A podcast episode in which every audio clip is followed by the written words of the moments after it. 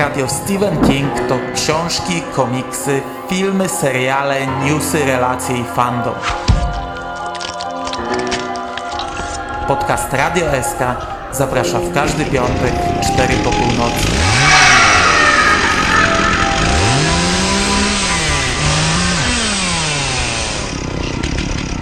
Wiadomości z martwej strefy.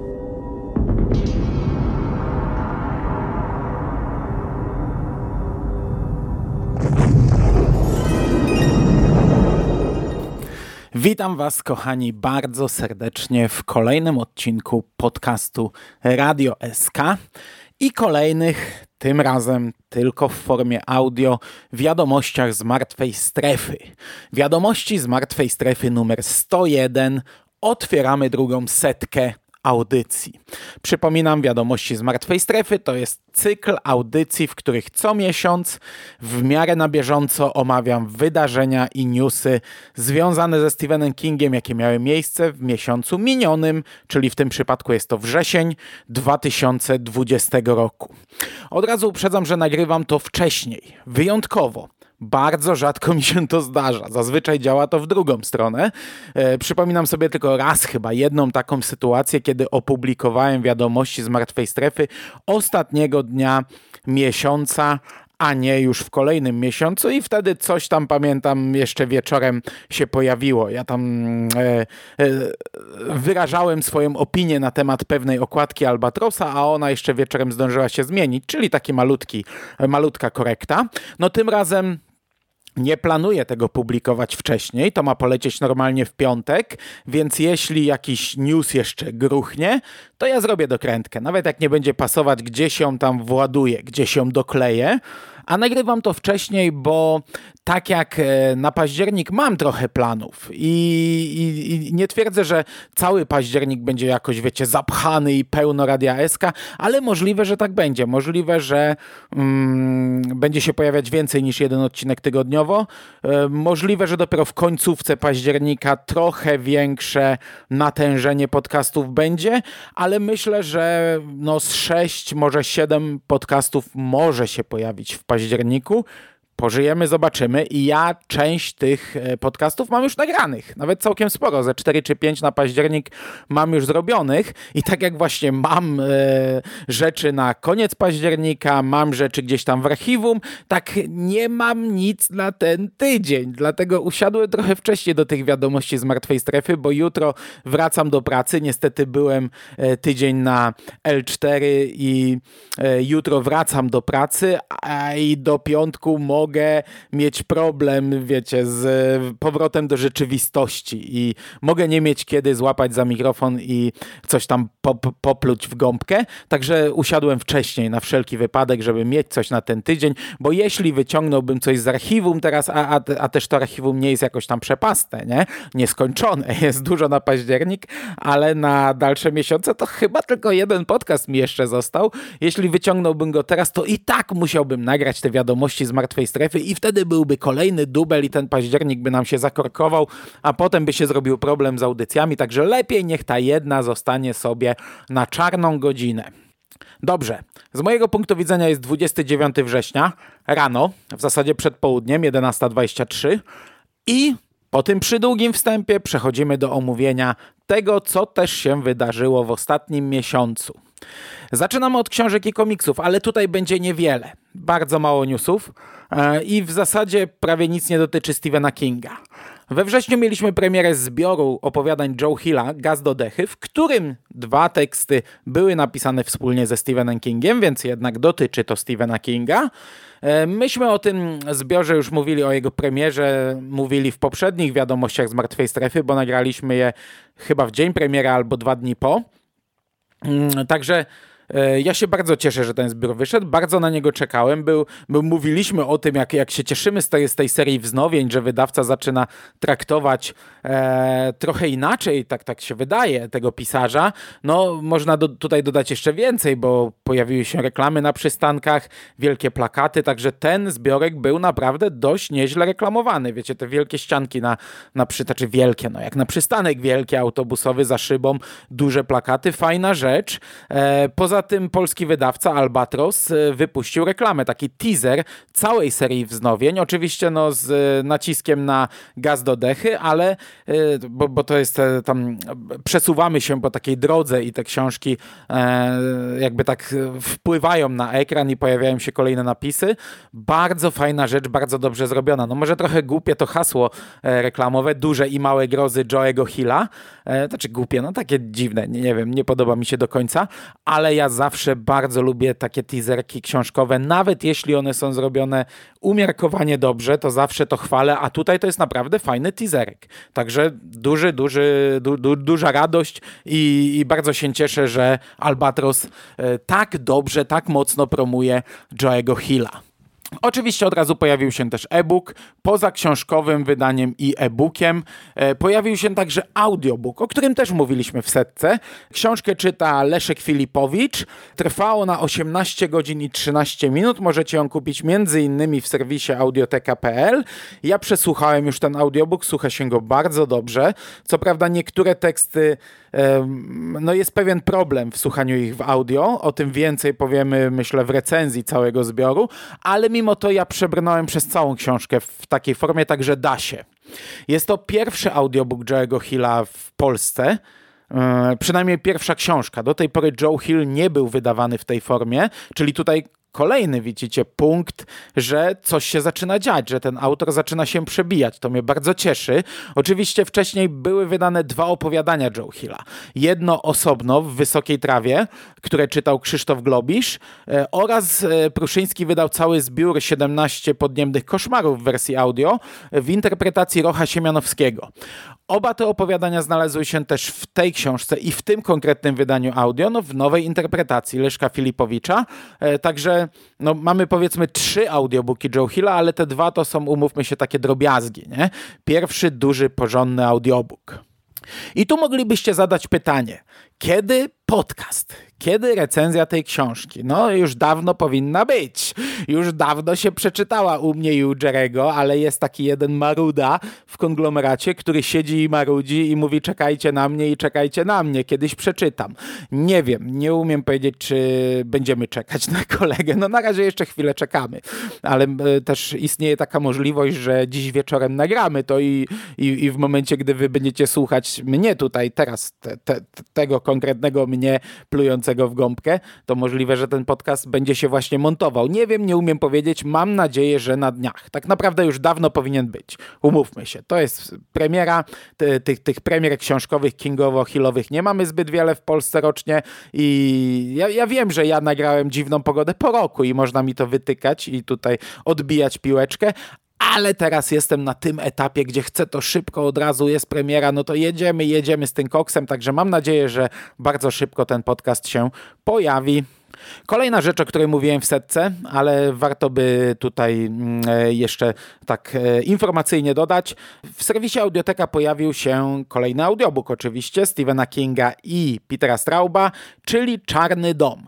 Po talizmanie bardzo szybko został wydany Czarny Dom, czyli druga część takiej wspólnej historii, ciężko to nawet nazwać serią, cyklem historii pisanej przez obu panów.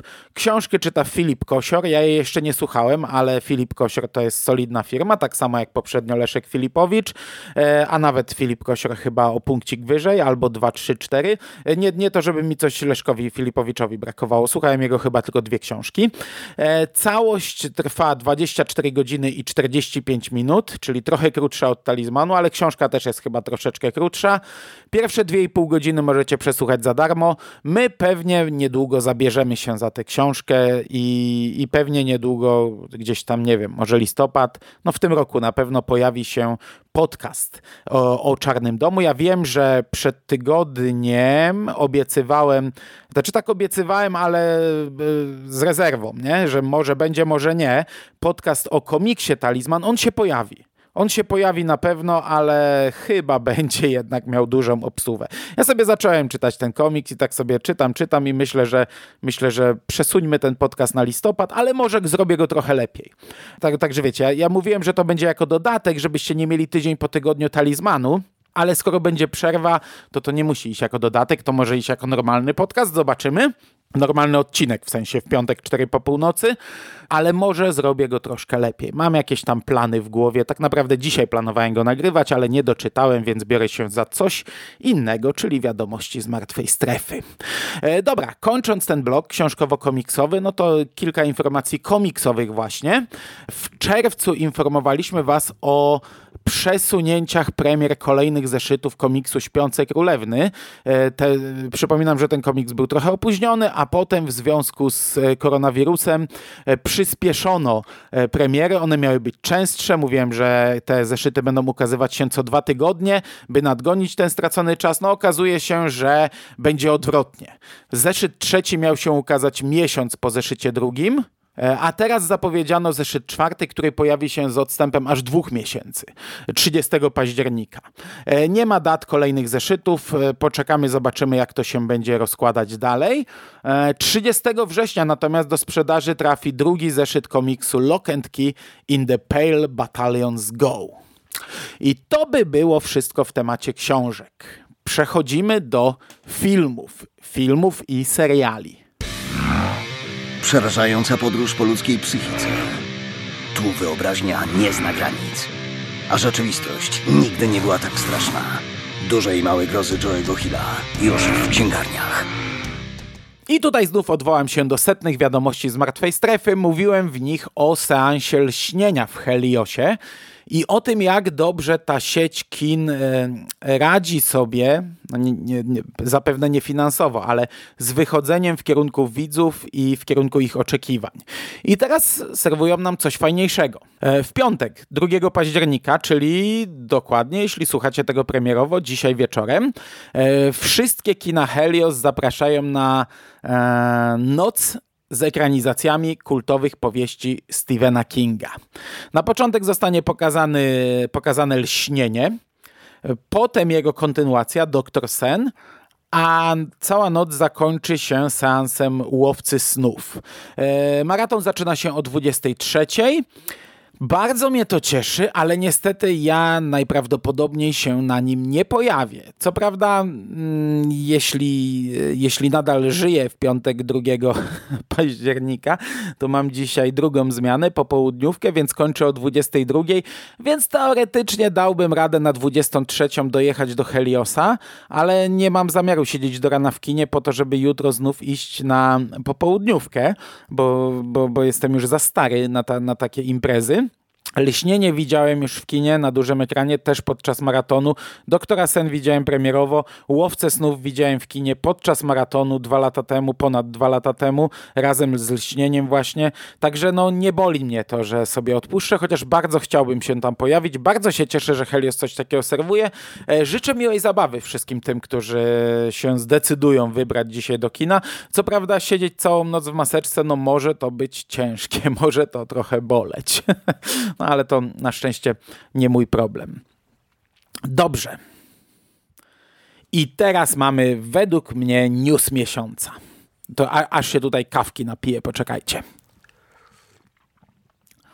Stacja Shader, która odpowiedzialna jest za serial Creepshow, z okazji nadchodzącego Halloween przygotowała, co ciekawe zupełnie w tajemnicy, niespodziankę dla fanów tego serialu, dla fanów Stephena Kinga i dla fanów Joe Hilla.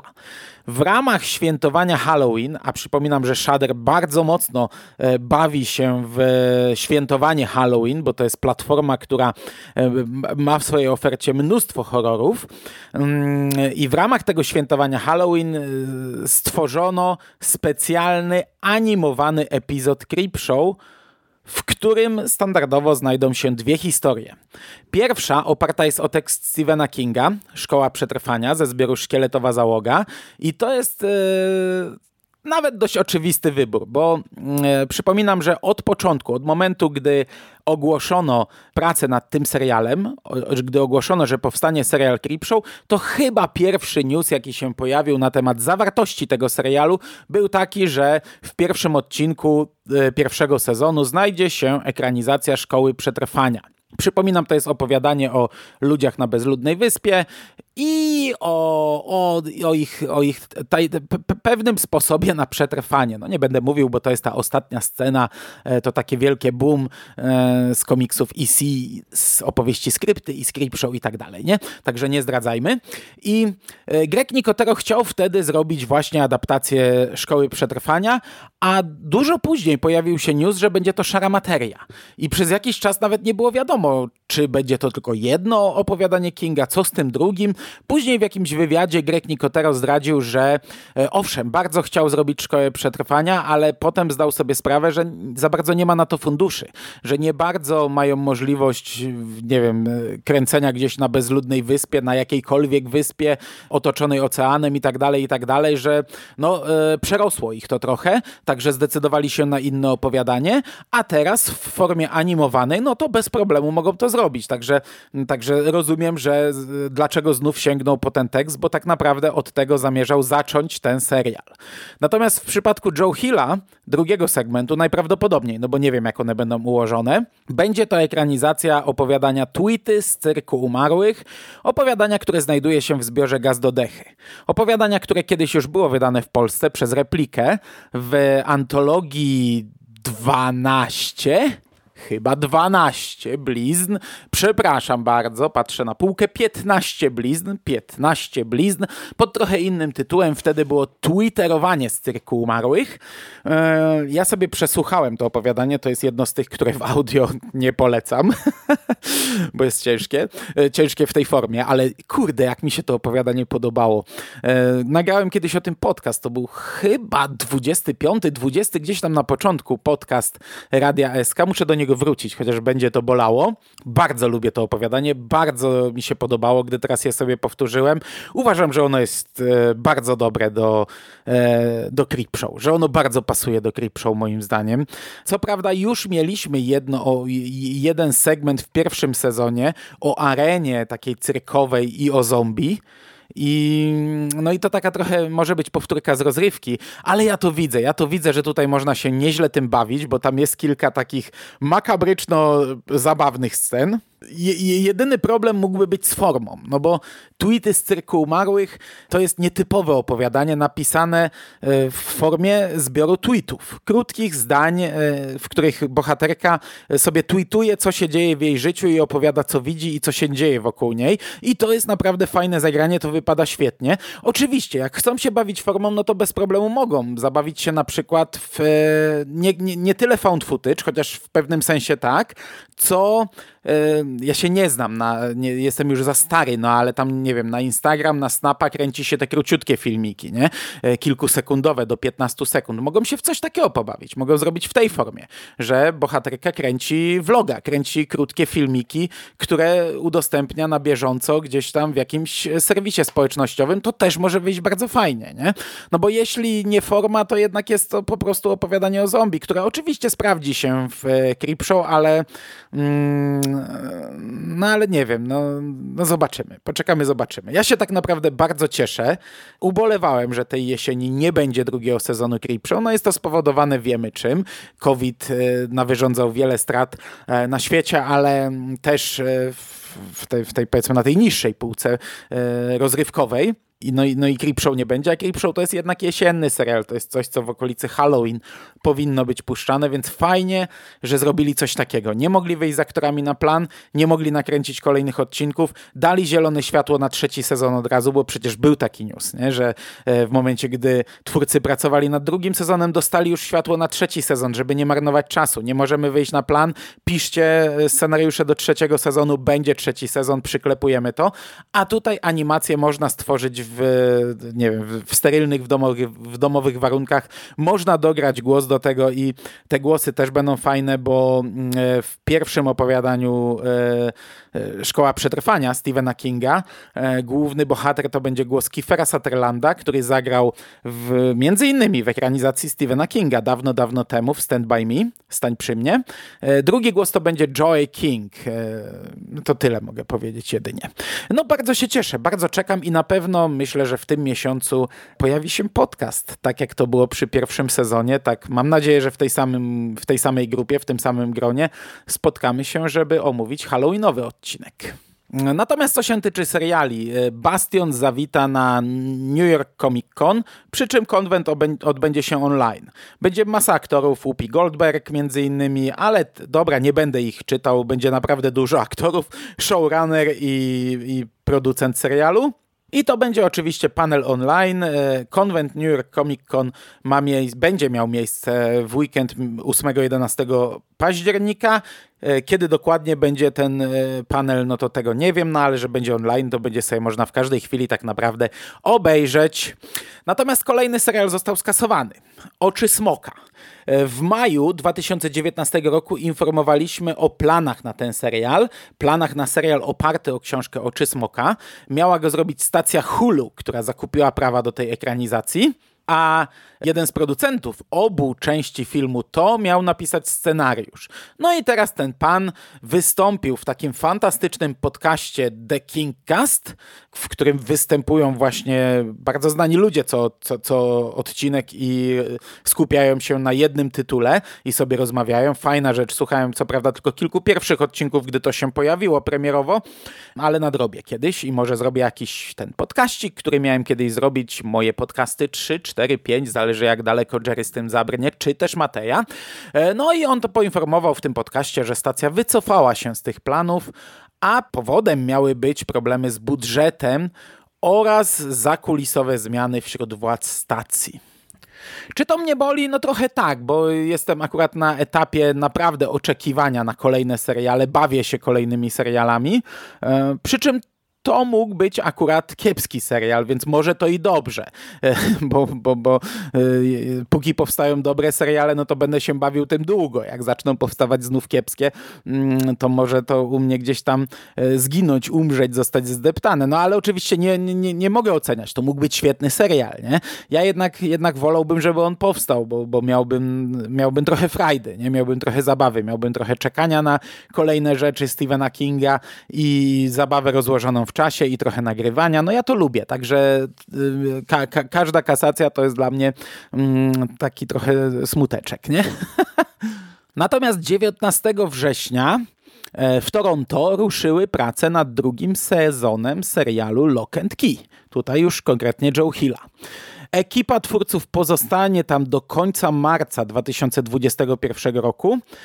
Nie wiadomo nic na temat fabuły drugiego sezonu, która prawdopodobnie będzie nową historią wy wymyśloną na potrzeby serialu, ponieważ większość wątków e, głównej historii zostało zamknięte w pierwszym sezonie. Poczekamy, zobaczymy. Mnie zastanawia, jak wybrną z kwestii Boudiego ponieważ no, serial przez COVID został opóźniony i najprawdopodobniej, nie wiem, między pierwszym a drugim sezonem może upłynąć na pewno ponad rok, półtora, może dwa, zobaczymy. E, no to jest dużo jak na dzieciaka w tym wieku, także będzie widać gigantyczną różnicę, a jeśli to będzie nadal taki sukces, to przecież nie zakończy się na pierwszym sezonie. Czy będą się bawić w skoki czasowe, jak to wyjaśnią? No poczekamy, zobaczymy. To jest zawsze problem w serialach. Młody aktor czy dziecko jest zawsze problemem, no i zobaczymy jak, jak ci konkretni twórcy poradzą sobie z rozwiązaniem tego problemu.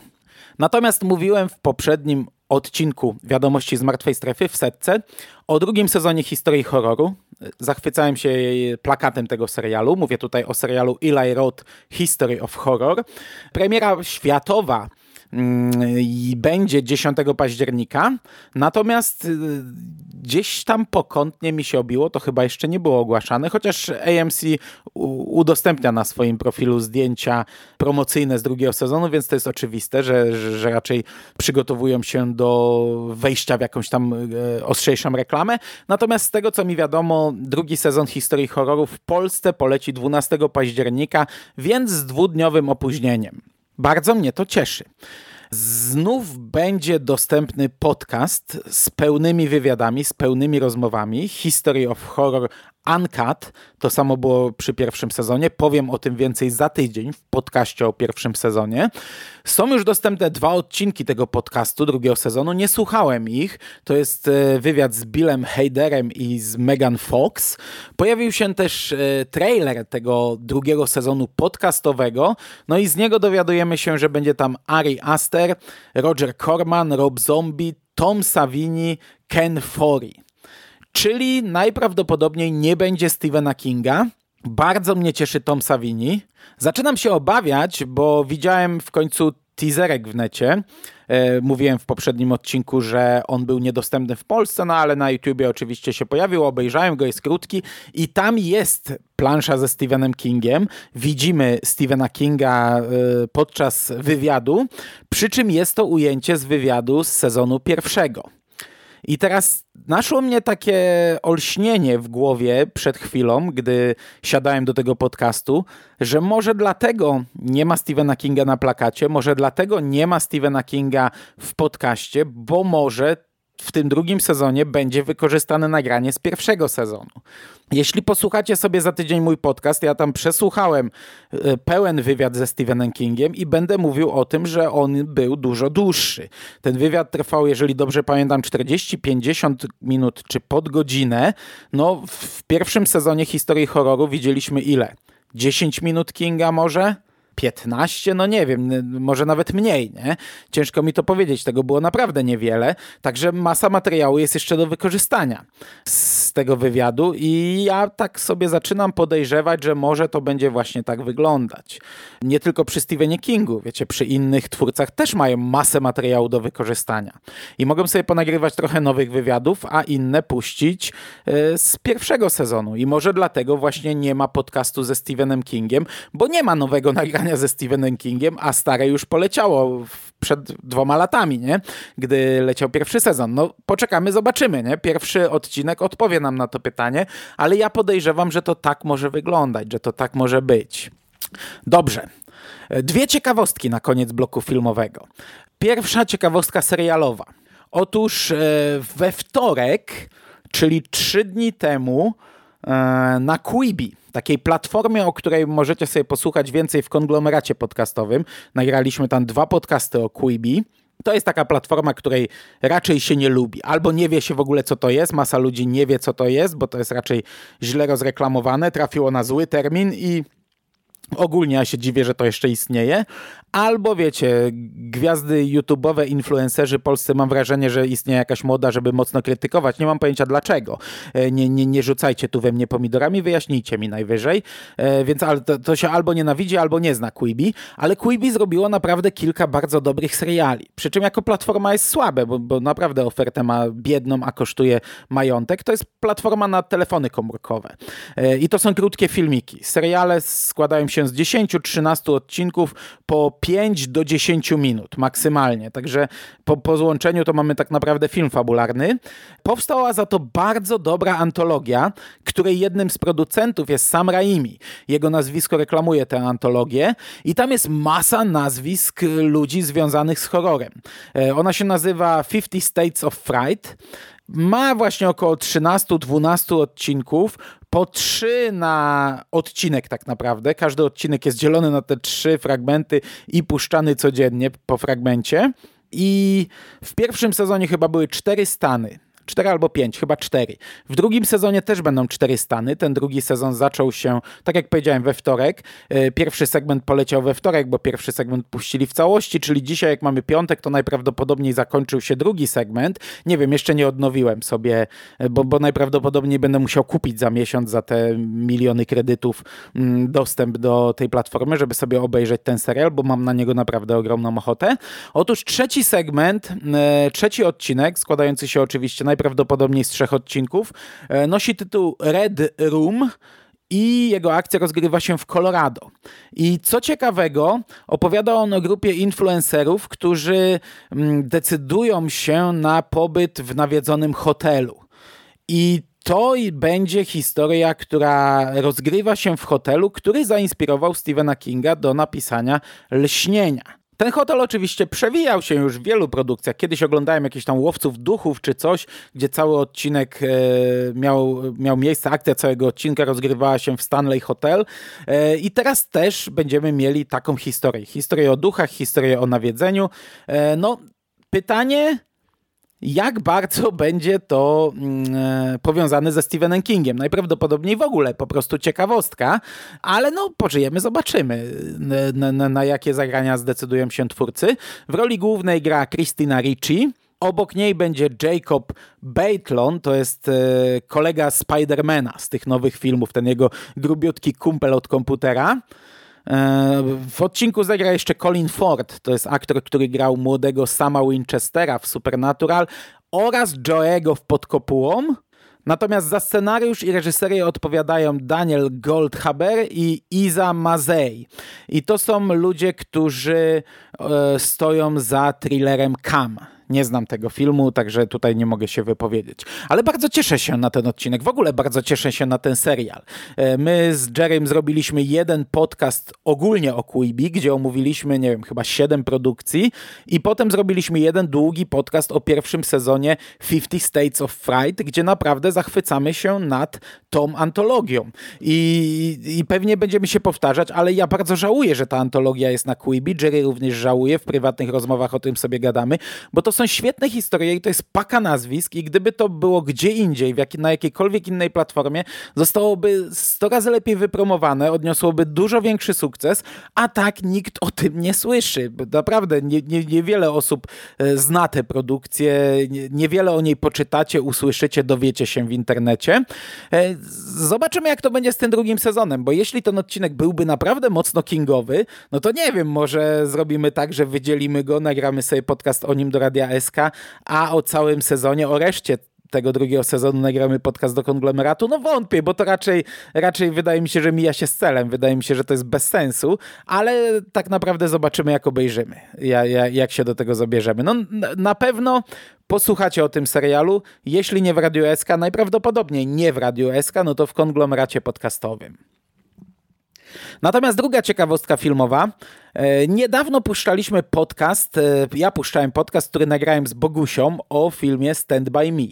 E, I mówiliśmy tam o tym, Bogusia zwróciła na to uwagę, że to jest film o samych chłopakach że to jest w sumie trochę nietypowe, że w dzisiejszych czasach, ja też podkreślałem to, że to jest dziecko pewnej epoki, w dzisiejszych czasach taki film na pewno by nie powstał. Zresztą nie tylko w dzisiejszych czasach, yy, no, różne, przez różne epoki przeszliśmy już i, i akurat no, no trafił na taki czas, że e, nie było problemu z pokazaniem takiej historii. Dzisiaj na pewno taka historia by nie powstała. Dzisiaj na pewno byłaby tam gdzieś koleżanka, e, byłby tam kolega, był, by, byłby poruszony, nie wiem, wątek mm, związków partnerskich różnego rodzaju. Ja, znacie mnie nie od dziś, ja nie jestem przeciwnikiem tego, ja absolutnie nie, nie, nie, nie mam zamiaru krytykować tego i nie będę pluł na to, ojejku, polityczna poprawność, o, teraz to tylko gejów i, i Azjatów i, i najlepiej Meksykanów, Murzynów i innych po wciskać. Nie, nie brzydzę się takimi wypowiedziami i proszę sobie darujcie. Jeśli macie ochotę coś takiego napisać, to idźcie gdzie indziej i tam napiszcie. Ehm, ale no, zgadzam się z tym, że w dzisiejszych czasach coś takiego by nie powstało. Film o samych chłopakach najprawdopodobniej by nie powstał, bo, bo, bo mo, możecie też mi rzucić kontrargumenty i powiedzieć, że wcale nie, nie mylisz się chłopie. E, natomiast w wywiadzie dla Coming Soon Jedna z e, aktorek z tego filmu, e, pani, która grała żonę Louisa Creeda, Rachel Creed, matkę Gage'a, e, wypowiedziała się, że chodzi jej po głowie, że chciałaby, żeby powstała taka adaptacja Stand By Me, ale z nastoletnimi dziewczynami. Oczywiście, wstrzymajcie konie, nie krzyczcie, jak to tutaj kino umiera. To jest tylko takie pitolenie, nie? To jest tylko pitolenie, nie ma żadnych planów na taki film. Ona sobie mówi, że chciałaby coś takiego zobaczyć, że chciałaby, żeby coś takiego powstało. I spoko, nie? Niech sobie mówi, ale ja wam powiem, że no, gdybym miał się teraz nad tym zatrzymać i, i sobie pomyśleć, no mówiliśmy o tym w podcaście, a chwilę później e, ktoś inny porusza ten temat.